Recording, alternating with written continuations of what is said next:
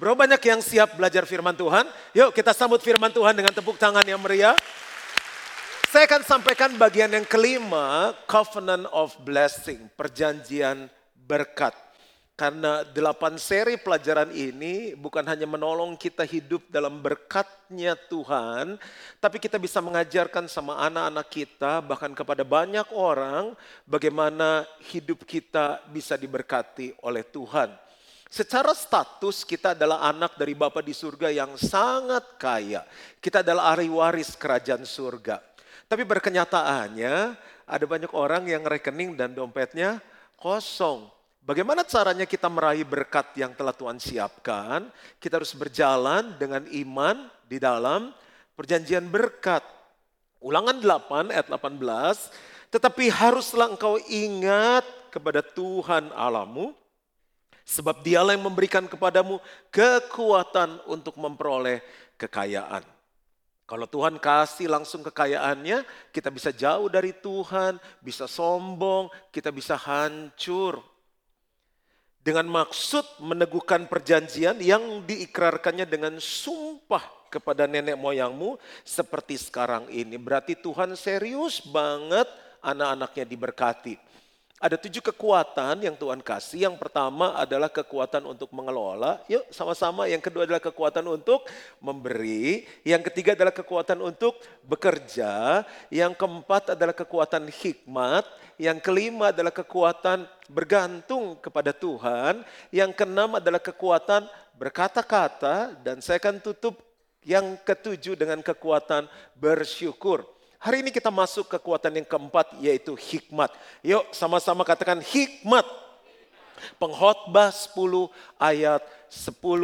Hikmat bahasa Inggrisnya wisdom. Ada banyak orang yang sering dengar kata ini tapi nggak gitu ngerti apa sih hikmat. Jika besi menjadi tumpul dan tidak diasah, maka orang harus memperbesar tenaga. Ibu-ibu yang masak pasti ngerti ini. Tetapi yang terpenting untuk berhasil adalah hikmat. Baca bagian yang kedua sama-sama, dua, tiga. Tetapi yang terpenting untuk berhasil adalah hikmat. Apa sih itu hikmat? Hikmat adalah penggunaan suatu pengetahuan dengan benar. Penggunaan suatu pengetahuan dengan benar. Jadi untuk dapat hikmat kita mesti punya dulu pengetahuan. Makanya banyaklah membaca, banyaklah mendengar, banyaklah menonton, banyaklah ikut seminar. Supaya apa pengetahuan kita bertambah. Ada anak-anak yang gak mau sekolah bilang ini, pih pendeta bilang yang penting untuk berhasil adalah hikmat, gak usah sekolah. Nah kalau gak sekolah gak punya pengetahuan, begitu hikmat diperlukan apa yang mau ditarik, kosong semua di dalam. Jadi hikmat adalah menggunakan pengetahuan dengan benar. Kenapa hikmat perlu? Contoh, di sekolah ada 10 orang mendengarkan guru yang sama, di jurusan yang sama, tapi dari 10 orang cuma satu orang yang jadi orang. Berhasil naik terus karirnya. Yang satu biasa aja, yang satu bangkrut. Dalam pernikahan, semua mungkin sudah ikut marriage upgrade, ikut precious love. Mereka tahu ayatnya, hai suami-suami, kasihlah istrimu sama seperti Kristus mengasihi jemaatnya. Hai istri-istri, tunduklah kepada suamimu seperti bagaimana seharusnya di dalam Tuhan. Itu kan pengetahuan. Tapi ada 10 pasang suami istri yang sebagian bahagia, yang sebagian gak bahagia. Karena cara dia menggunakannya salah. Begitu ada masalah dia bilang gini, lu baca tuh Alkitab, ngerti gak lo? Lu harus tunduk mas suami, tunduk dimulai. Wah istrinya keluarin celurit. Dia punya pengetahuan tapi memakainya gak benar. Hikmat adalah memakai pengetahuan dengan benar. Contoh lagi, 10 orang ini masing-masing punya uang 10 juta. Sama ya, 10 juta ya, nggak ada yang campur daun, 10 juta cap tiau. Tapi dari 10 juta itu ada yang langsung habis. Hmm, aku beli tas. Nih, aku beli ini. Ada yang 10 juta, nggak bertambah-tambah 10 juta. Sampai Yesus datang sampai monyong 10 juta. Tapi ada yang 10 juta bisa jadi 100 juta. Percaya atau enggak? Percaya. Karena dia punya hikmat memakai 10 juta itu. Nah, jadi yang terpenting untuk berhasil adalah apa? Hikmat. Dari tepuk tangannya dia kurang percaya. Enggak, enggak benar tuh pendeta. Tapi ini Alkitab kok yang ngomong. Yakobus 3 ayat 14 sampai 17. Kalau pastor kecepatan tolong angkat tangan ya. Jika kamu menaruh perasaan iri hati, orang iri hati susah hikmatnya berkembang. Karena dia selalu gak suka dengan kemajuan orang lain. Digosipin, diapain. Dan kamu mementingkan diri sendiri, orang egois juga susah keluar hikmat. Janganlah kamu memegahkan diri, orang sombong juga hikmat susah keluar. Karena dia merasa dirinya sudah pintar. Dan janganlah berdusta melawan kebenaran, apalagi orang suka bohong. Jadi dia bingung nih, ini hikmat atau hakmit. Dia suka bohong. Itu bukanlah hikmat yang datang dari atas atau dari Tuhan. Tetapi dari dunia, dari nafsu manusia, dari setan-setan. Sebab di mana ada iri hati dan mementingkan diri sendiri, di situ ada kekacauan dan segala macam perbuatan jahat. Jadi kalau dalam keluarga, dalam gereja, dalam bisnis munculnya apa? Iri hati, egois, kekacauan, perbuatan jahat. Kemungkinan mereka berjalan bukan dengan hikmat dari Tuhan. Ayat 17, bagaimana ciri-ciri kita berjalan dalam hikmat Tuhan? Tetapi hikmat yang dari atas, yang dari Tuhan, pertama-tama adalah murni, tulus, sincere. Orang bisa rasa kok kita tulus atau enggak. Lalu pendamai, peramah, penurut, penuh belas kasihan dan buah-buah yang baik. Kalau hikmatnya dari Tuhan, buahnya pasti baik. Tidak memihak dan tidak munafik. Munafik adalah muka nabi, pikiran kotor. Jadi depan mau belakang beda. Tapi kalau hikmatnya dari Tuhan, apa adanya aja, otentik. Kita simpulkan, ada beberapa macam hikmat. Jadi lang, jangan langsung terkesan, wah pintar sekali ini orang berhikmat. Iya, tapi hikmat siapa? Yang pertama adalah hikmat dari atas, dari Tuhan. Ini yang kita mau bahas. Yang kedua adalah hikmat dari dunia. Yang ketiga adalah hikmat manusia, hikmat diri sendiri. Oh, saya akan lulusan cum laude, summa cum laude, makna cum laude menurut saya. Eh, belum tentu benar menurut Tuhan. Itu hikmat manusia. Dan hikmat dari setan. Nah, ada empat manfaat atau kegunaan dari hikmat. Nanti saya akan ngajarin bagaimana memperoleh hikmat. Yang pertama, manfaat dari hikmat yang datangnya dari Tuhan adalah memperoleh berkat seutuhnya. Coba bilang sama-sama seutuhnya. Bahasa hari-harinya komplit. Um, eh itu udah gak usah diikutin. Amsal 3 ayat 15 sampai 17. Ia tuh hikmat. Hikmat lebih berharga daripada permata. Permata is diamond, you know. Ibu-ibu tes. Kalau bapak-bapak tanya gini, mami kan mau ulang tahun. Mami mau hikmat atau diamond? Ibu-ibu pilih apa? Ya ampun baru dengar Alkitab. Masih tetap pilih diamond. Hikmat lebih berharga daripada diamond. Apa pun yang kau inginkan. Tas-tas, atau apa pun tidak dapat menyamainya. Tes. Kalau mau dikasih tas yang depannya H sama hikmat, ibu-ibu pilih apa? Ah, gitu dong. Pendeta jadi senang dan Tuhan senang. Umur panjang ada di tangan kanannya. Pengen dong umur panjang. Di tangan kirinya kekayaan dan kehormat. Udah penuh nih tangannya. Jalannya adalah jalan penuh bahagia. Serta jalannya sejahtera semata-mata. Jadi kalau nanti ulang tahun, untuk anak suami kita jangan hanya nyanyi Cuni sence kuaile. Nyanyi begini umur panjang di tangan kanan di tangan kirinya kekayaan dan kehormatan sampai selamanya. Itu nanti terjadi dalam hidup orang-orang kita kasihi. Yuk kita simpulkan hikmat dari Tuhan menuntun kita yang pertama kepada berkat jasmani. Apa berkat jasmani? Umur panjang. Yang kedua berkat jiwani. Apa sih berkat jiwani? Kehormatan. Kalau umur panjang nggak dihormatin, dikutukin orang buat apa? Masih hidup aja dia. Kan nggak enak hidup begitu. Lalu berkat materi kekayaan. Dia umur panjang dihormati tapi bokeh. Eh gimana? Sampai kita pengen jual itu kehormatan karena dihormati tapi bokeh. Yang berikutnya adalah berkat rohani, kebahagiaan dan kesejahteraan. Oke, umur panjang oke, mau? Kekayaan mau? Kehormatan mau? tapi nggak bahagia. Nggak mau. Ini berkat yang seutuhnya. Ah, apa ada pak? Saya sih berusaha objektif ya. Berusaha objektif. Saya lihat papa saya. Papa saya itu yang mengajarkan hidup, mengajarkan hikmat. Dan dia hidup dipimpin oleh hikmat Tuhan. Kalau saya lihat umurnya cukup panjang, 77, 77 tahun ya. Ah itu ada yang 109. Ini kan saya cerita bapak saya ya. Jangan protes dulu 77 tahun. Yang kedua dia dihormati. So far yang saya tahu ya. Kok bisa tahu Pak begini? Selama saya ke pasar pik ke mana pun nggak ada yang komplain. Oh ini anaknya bapaknya kalau makan mie nggak bayar nggak ada, masih dihormati. Saya kalau ke acara-acara duduk di belakang, ini Juan Mogi siapa ya? Anaknya Pak Mogi ya? Iya saya bilang, sih duduk di depan, duduk di depan gitu. Yang lain untul, untul, untul, saya duduk di depan. Bukan kan, oh berarti bapak saya dihormati. Coba kalau, oh ini Juan Mogi, anak Pak Mogi ya? Security, security, Raja Wali dua, ini tolong dia. Nah berarti bapak saya kurang dihormati. Syukur sampai sekarang umur panjang lewat, tapi saya minta maaf loh kalau ada di luar yang saya nggak tahu, papa mama saya buat kesalahan, saya mohon dimaafkan. Ini setahu saya, dia umur panjang, dihormati, kekayaan terakhir saya tanya 10,7 triliun atau enggak lagi. Jadi buat bahan gosip nanti. Oh, kita catat nih. Enggak, tapi pasti enggak pernah kali. Ayuan gini enggak nyusahin anak enggak pernah mana dia memberi untuk anak. Jadi maksud saya ya dia masih makan oke, okay, susah kurus. Kan kaya relatif. Nanti kalau saya bilang papa saya kaya segini nanti yang orang kaya tersinggung. Lalu berkat rohani, dia enjoy, bahagia.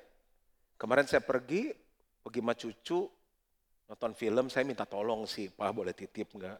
Sejahtera setahu saya, saya yang muda ngelihat gini. Pengen ya, tua kayak dia, umur panjang, dihormati, uang punya, bahagia dan sejahtera juga oke.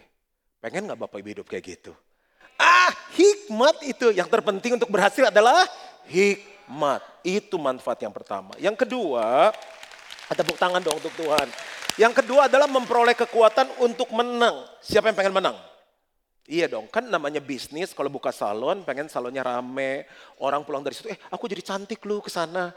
Kita punya restoran, restoran rame, orang makan aduh enak, udah banyak, terus uh, enak, banyak, murah. Itu orang Indo paling suka kayak begitu.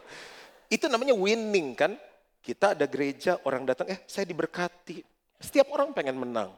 Yesaya 2 ayat 2 sampai 3. Akan terjadi pada hari-hari yang terakhir gunung tempat rumah Tuhan akan berdiri tegak di hulu gunung-gunung dan menjulang tinggi di atas bukit-bukit. Segala bangsa akan berduyun-duyun ke sana dan banyak suku bangsa akan pergi serta berkata, ini gereja akan penuh dengan orang-orang yang mau belajar. Mari kita ke Gilgal, ke rumah Allah Yakub supaya ia mengajar kita. Tuhan mengajar kita tentang apa? Jalan-jalannya. Dan supaya kita berjalan menempuhnya. Sebab dari Sion, dari rumah Tuhan akan keluar pengajaran dan firman Tuhan dari Yerusalem. Pak, apa hubungannya hikmat sama kemenangan? Coba kita lihat slide yang berikut ini. Jadi dari hikmat, kan dari rumah Tuhan akan keluar apa? Jalan-jalan. Jadi dari hikmat akan lahir strategi, itu jalan-jalan. Kita ngomong sama istri, kalau pakai strategi beda hasilnya. Timingnya tepat nggak ya? Tempatnya tepat nggak ya? Kita ngomong sama bos, bisa naik gaji, bisa turun gaji, tergantung strategi. Hikmat, strategi, strategi melahirkan apa? Kemenangan. Kemenangan melahirkan apa? Kemuliaan apa sih Pak kemuliaan? Kemuliaan tuh gini, semua yang Tuhan punya namanya kemuliaan karakternya, sifatnya, berkatnya, itu kemuliaan. Jadi strategi untuk menang adalah hikmat. Saya coba tulis-tulis sebentar. Ini pribadi, ini gereja. Bapak Ibu mungkin aplikasi ke pekerjaan atau bisnis. Saya mulai ikut Tuhan minus. Nggak usah dibahas minus itu apa. Sekarang plus. Dari minus sampai plus, saya minta hikmat Tuhan. Tuhan menunjukkan strategi. Strategi menghasilkan kemenangan dan kemenangan kemuliaan. Contoh, pertama kali saya dapat gaji 250 ribu, saya bingung. Mau dibagaimanain. Tapi dari situ saya sudah belajar, saya minta hikmat Tuhan bagaimana mengelola ini. Karena dua ikan, lima roti di tangan Tuhan bisa dilipat gandakan. Saya bahkan dulu nggak ngerti investasi. Tuhan ketemukan saya dengan orang yang ngerti investasi. Eh, bisa dia ngerti properti. Eh, dia ngerti saham. Eh, dia ngerti mata uang asing. Eh, dia ngerti C, dia ngerti D, ngerti E. Tapi dari semua yang Tuhan pertemukan, saya tetap pilih. Tuhan, yang mana saya harus saya melangkah. Jadi waktu saya mengelola, saya minta hikmat. Waktu saya menabur untuk pekerjaan Tuhan, saya minta hikmat. Waktu saya menginvestasikan, saya minta hikmat. Dari minus itulah Tuhan kasih strategi sampai bisa plus. Jadi jangan suka ikutan. Semua, eh jadi investasi apa ya? Kalau gue sih emas, langsung kita ganti semua emas. Gigi kita copot emas semua. Shalom. Eh harga emas turun. Harga emas turun, jantung kita ikut turun. Saham ya? Kayak lu lihat itu, coba Warren Buffett. Dia saham mainnya. Kita beli saham, nggak ngerti, nggak dalam, nyali kurang kuat. Begitu turun, kita ikut turun jantung langsung ke kaki. Irama jantung berbeda, jadi rugi. Jangan lihat apa yang orang buat. Boleh belajar tapi tanya Tuhan hikmat Tuhan untuk aku menang apa ya. Supaya dari minus bisa jadi plus. Gitu. Nah dan juga bicara mengenai kemenangan. Kalau kita menang tujuannya buat apa? Indonesia merdeka menang supaya freedom. Nah istilah ini beredar di pasaran namanya financial freedom. What does it mean? Nah kalau Bapak Ibu, saya punya ratusan buku keuangan. Kalau kita baca, mabok kita. Contoh, financial freedom, ada financial financial freedom absolute, financial freedom vitality. Pusing aku juga bacanya. Contoh dia bilang ini, kalau kita punya duit sampai 24 bulan gaji kita, itu kita financial freedom. Ada bilang gini, kalau kita tanpa bekerja, kita punya investasi yang mengalirkan dana berupa pasif income dan kita bisa hidup dengan gaya hidup kita sekarang dan gaya hidup yang kita mau itu financial freedom. Pusing kita baca. Akhirnya saya tanya firman Tuhan, apa sih? Tuhan jawab saya begini, ibadah disertai rasa cukup, memberi keuntungan yang besar. Itu financial freedom. Karena orang punya satu triliun, kalau nggak punya rasa cukup, tetap nggak freedom. Belum freedom, belum freedom, belum freedom. Tapi ada orang yang punyanya 100 juta, dia udah, sudah freedom, sudah freedom. Yang paling luar biasa punya 100 ribu, sudah freedom, sudah freedom.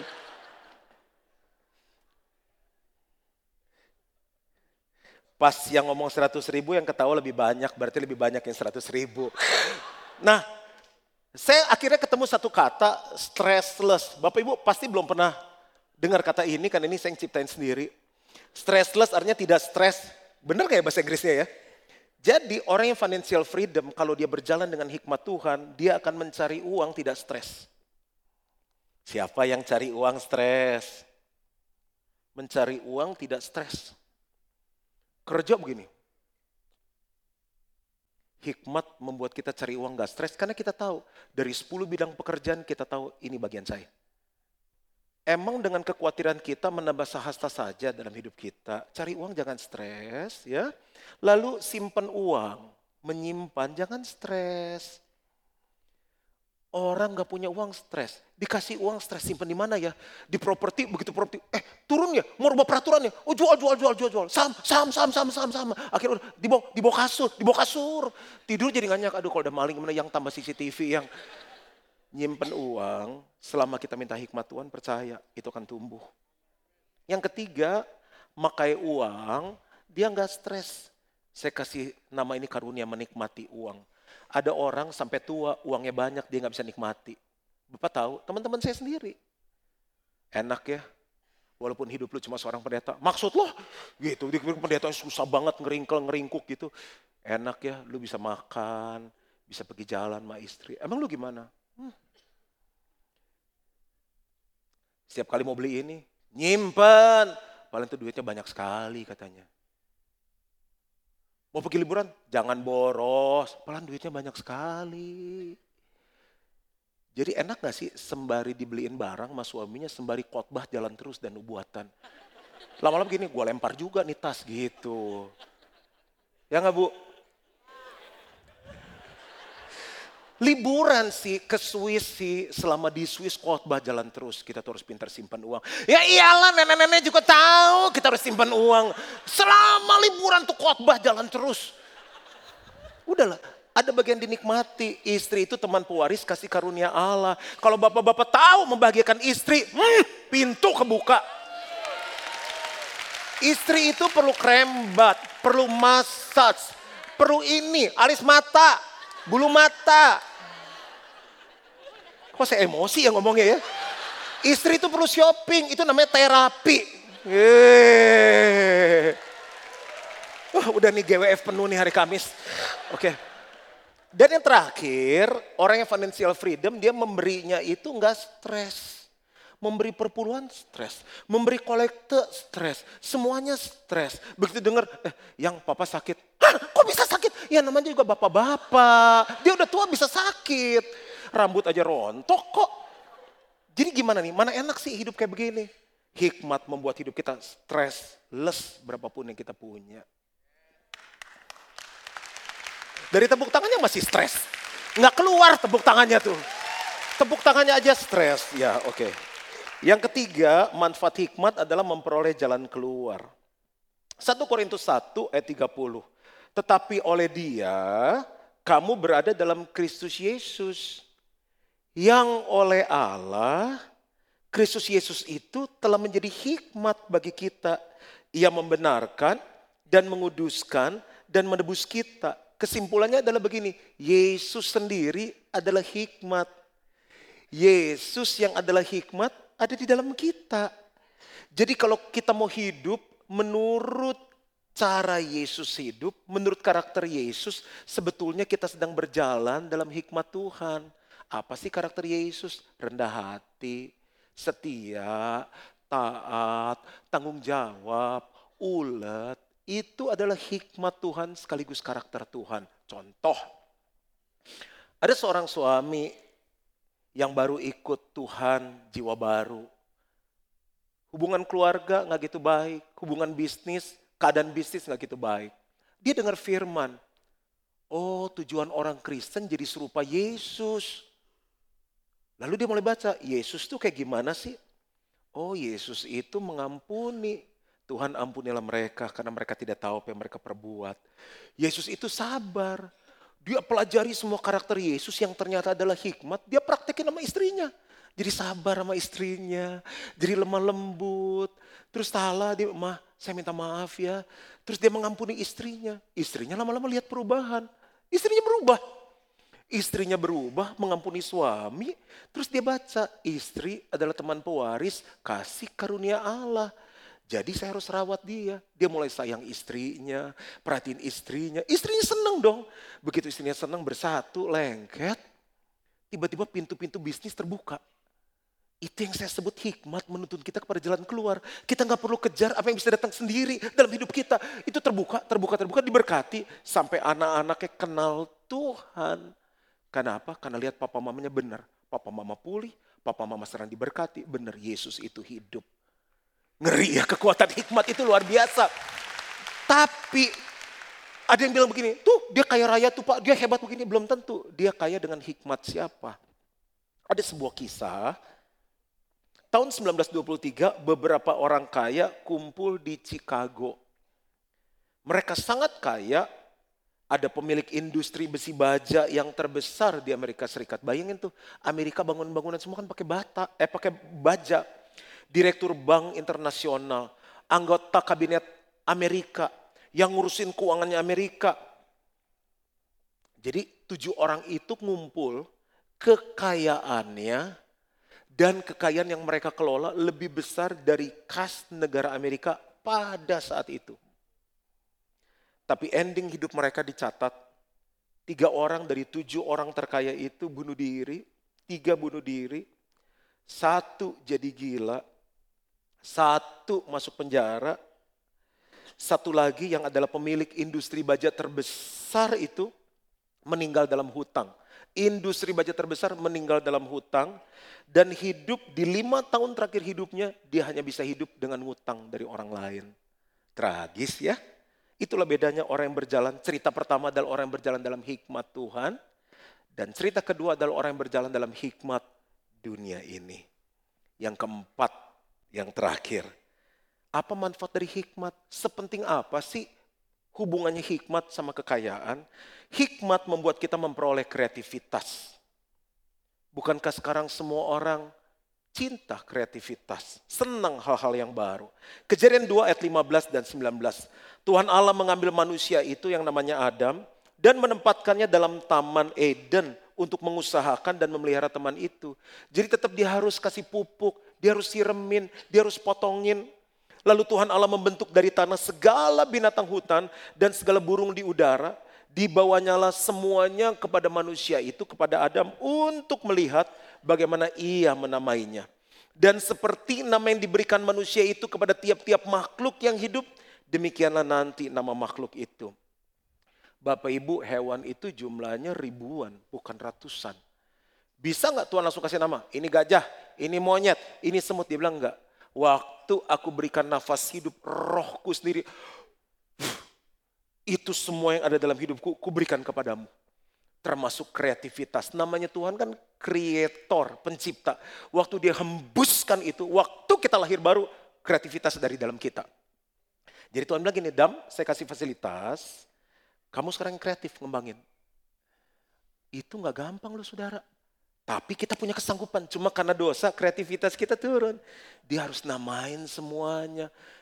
Yang kecil namanya ikan teri, ini ikan hiu, ikan gurame, uh, apa yang kita suka makan tuh? kerapu tikus, kerapu macan, itu semua dikasih nama. Hebat ya kreativitasnya Tuhan. Dan itu ada di dalam setiap kita sekarang. Makanya jangan begini, Tuhan, mana berkat, mana berkat, mana berkat Tuhan bilang, mikir. Begitu, mana berkat, mana berkat, mikir kata Tuhan. Emang enak, Alkitab kan cuma gitu sekotak doang. Gimana tiap minggu mesti mikirin menyajikan khotbah itu dalam bentuk yang kreatif supaya jemaat ngerti itu kreativitas. Empat manfaat hikmat sudah clear. Saya akan tutup dengan ini bagaimana memperoleh hikmat. Yang pertama adalah dengan hidup takut akan Tuhan. Amsal 9 ayat yang ke-10.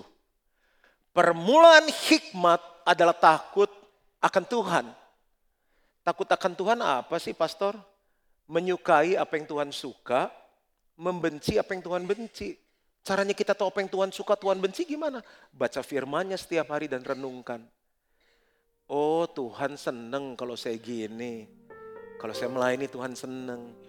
Oh kalau saya jujur Tuhan seneng. Oh ini Tuhan gak suka munafik. Saat kita hidup dalam firmannya, tiba-tiba hikmat itu mengalir dalam hidup kita. Sehingga tanpa sadar kita berjalan hikmat Allah yang mengalir. Yang kedua caranya, minta sama Tuhan. Yuk kita lihat Yakobus 1 ayat 5. Ini ayat saya yang terakhir. Tetapi apabila di antara kamu ada yang kekurangan hikmat, hendaklah ia memintakannya kepada Allah yang memberikannya kepada semua orang dengan murah hati dan dengan tidak membangkit-bangkit, maka hal itu akan diberikan kepadanya. Doa saya sama Tuhan tiap hari, Tuhan, aku perlu hikmat. Saya doakan Carisa putri saya setiap hari. Tuhan biar hikmat Tuhan mengalir. Setiap hari aku lepaskan berkat hikmat turun dalam anakku. Aku mungkin gak bisa kasih banyak untuk dia. Tapi aku udah kasih apa yang gak bisa ditandingkan dengan permata. Yaitu hikmat Tuhan. Bapak ibu tinggalkan warisan sama anak 100 miliar. Anak itu gak punya hikmat. Selesai pak, selesai bu 100 miliar itu. Ke mana? Habis. Gitu doang jawabannya. Hikmat diperlukan Selamat meraih kekayaan dari Tuhan. Tuhan memberkati. Yuk kita bangkit berdiri sama-sama. Dan jadikan ini doa kita. Ajarku mengerti segala rencana. Segala rencanamu. Ajarku bersama padamu, hanya padamu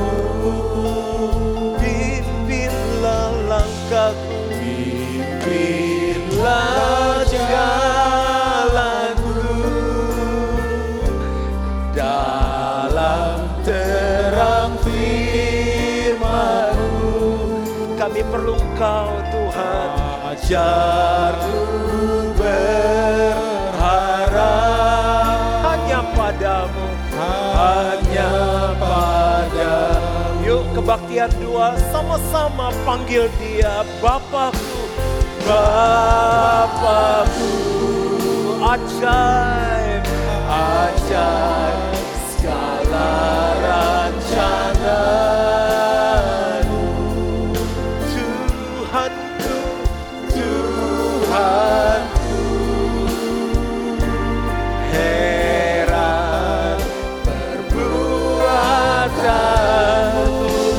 katakan sama-sama Engkau sanggup, Engkau sanggup mengadakan segala yang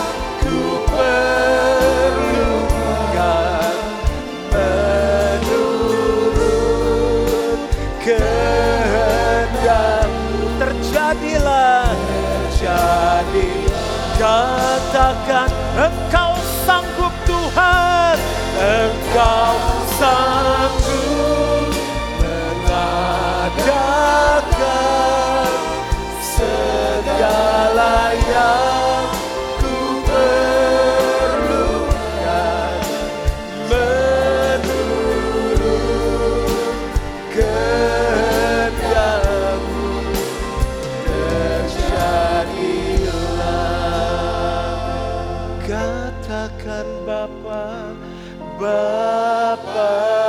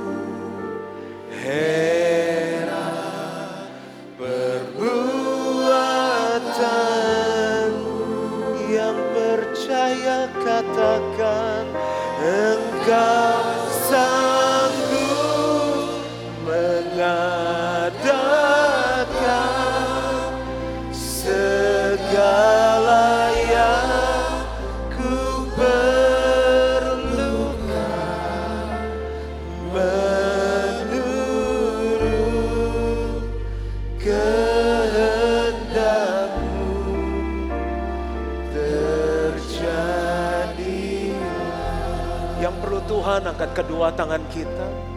Kami mengangkat tangan dan kami mau bilang engkau sanggup untuk mengadakan segala yang kau perlukan. Bapak Ibu ambil waktu dengan Tuhan bicara.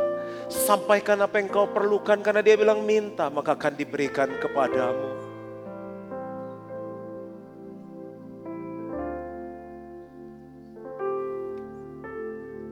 Engkau mendengar Tuhan dari lantai bawah, lantai lima dan balkon, setiap tangisan, setiap jeritan mereka.